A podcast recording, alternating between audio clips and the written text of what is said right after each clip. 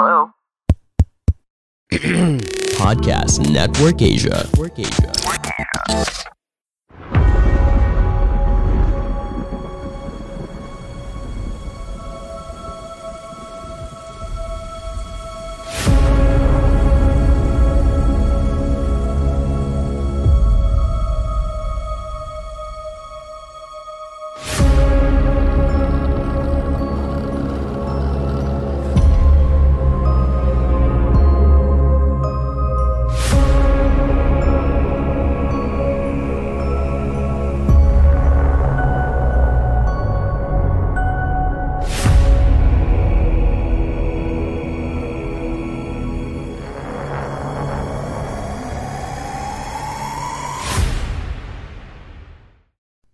Halo semuanya.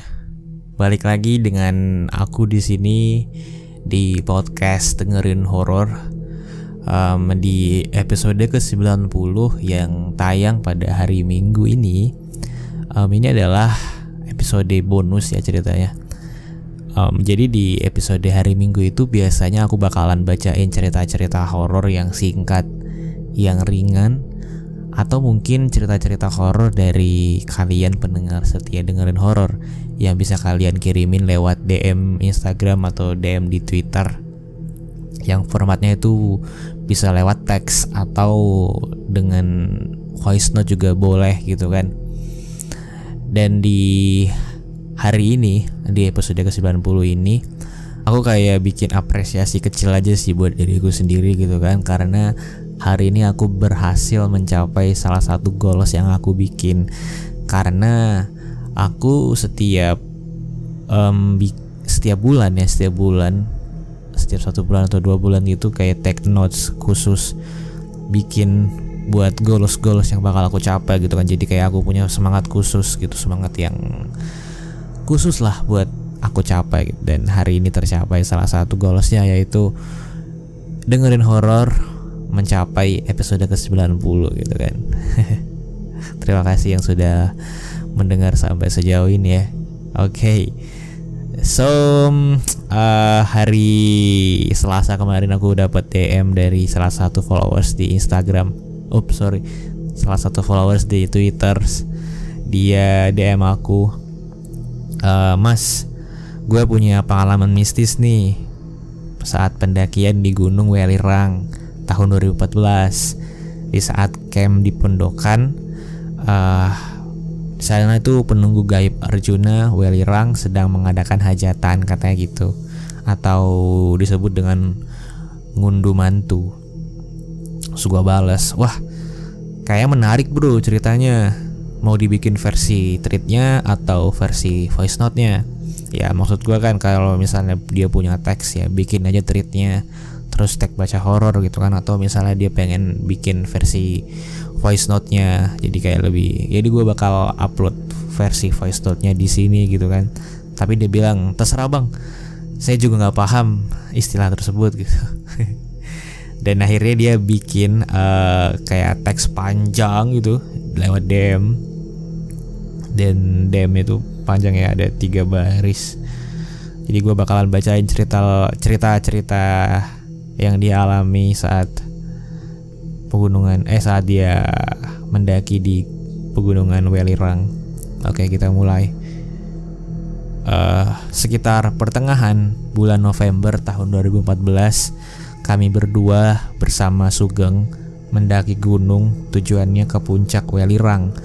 Dan setelah melakukan registrasi selama dua hari, kami mulai start pukul 9 pagi Target kami langsung ke pondokan dan setelah 7,5 jam perjalanan kami tiba di pos pondokan yang pada saat pada saat itu pukul 16.30 sore.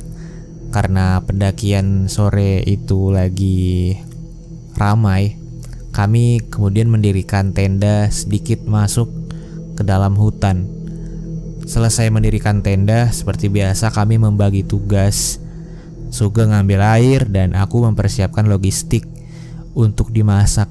Namun tadinya langit yang cerah tiba-tiba berubah menjadi gelap dan turun hujan cukup deras disertai badai petir dan angin yang lumayan kencang hingga membuat uh, membuat tenda ada yang patah karena tanah yang kami dirikan tenda sedikit miring air pun masuk ke dalam tenda dan badai mulai reda saat pukul 7 malam kami pun sedikit lega dan kembali memasak dan makan malam namun pukul 8.30 malam tiba-tiba terdengar suara anjing hutan dari arah atas jalur ke puncak Welirang.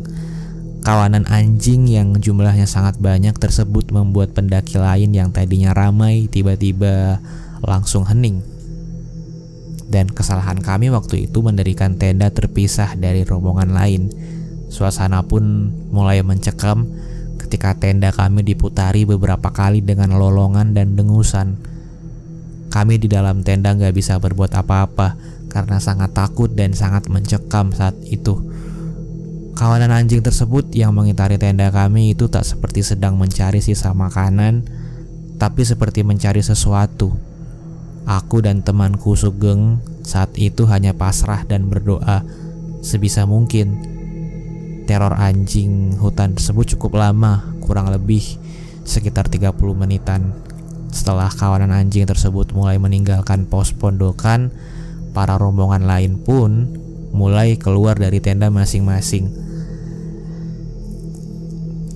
dan uh, menurut pengakuan para penambang belum pernah ada kawanan anjing yang memasuki kawasan pondokan sebelumnya dan kejadian tersebut dirasa cukup aneh.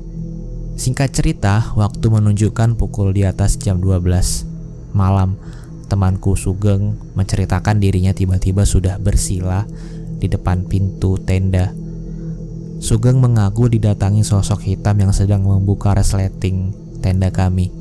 Sosok hitam tersebut bertanya kepada Sugeng, "Ada berapa orang di dalam tenda?" Sugeng menjawab, "Ada dua orang." Ucapnya, Sugeng sambil menunjukkan ke belakang. Katanya, "Aku sedang tertidur pulas." Tapi sosok hitam penghuni gaib tersebut tak percaya dengan ucapan Sugeng saat itu.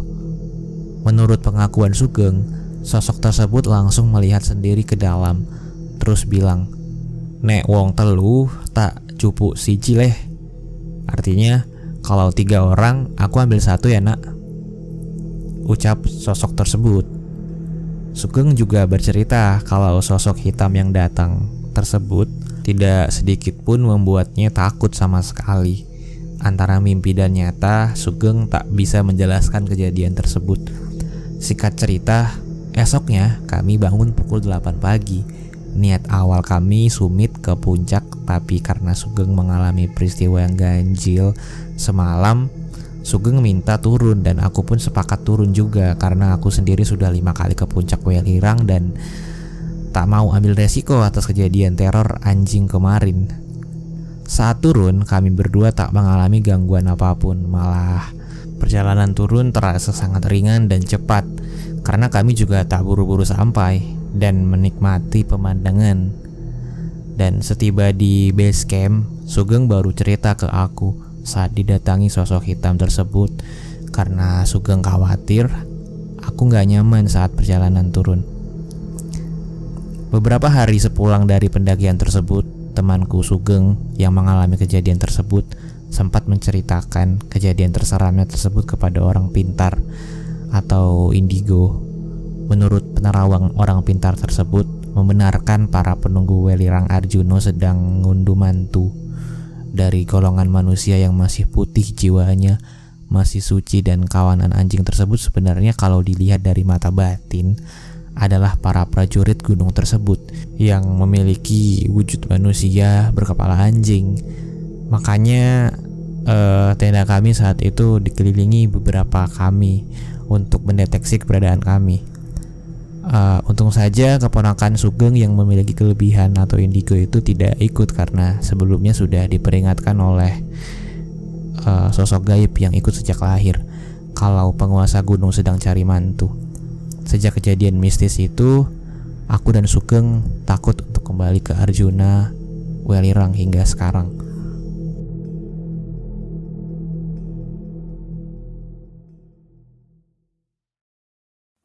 Pandangan dan opini yang disampaikan oleh kreator podcast, host, dan tamu tidak mencerminkan kebijakan resmi dan bagian dari podcast Network Asia. Setiap konten yang disampaikan mereka di dalam podcast adalah opini mereka sendiri dan tidak bermaksud untuk merugikan agama, grup etnik, perkumpulan, organisasi, perusahaan, perorangan, atau siapa pun dan apa pun.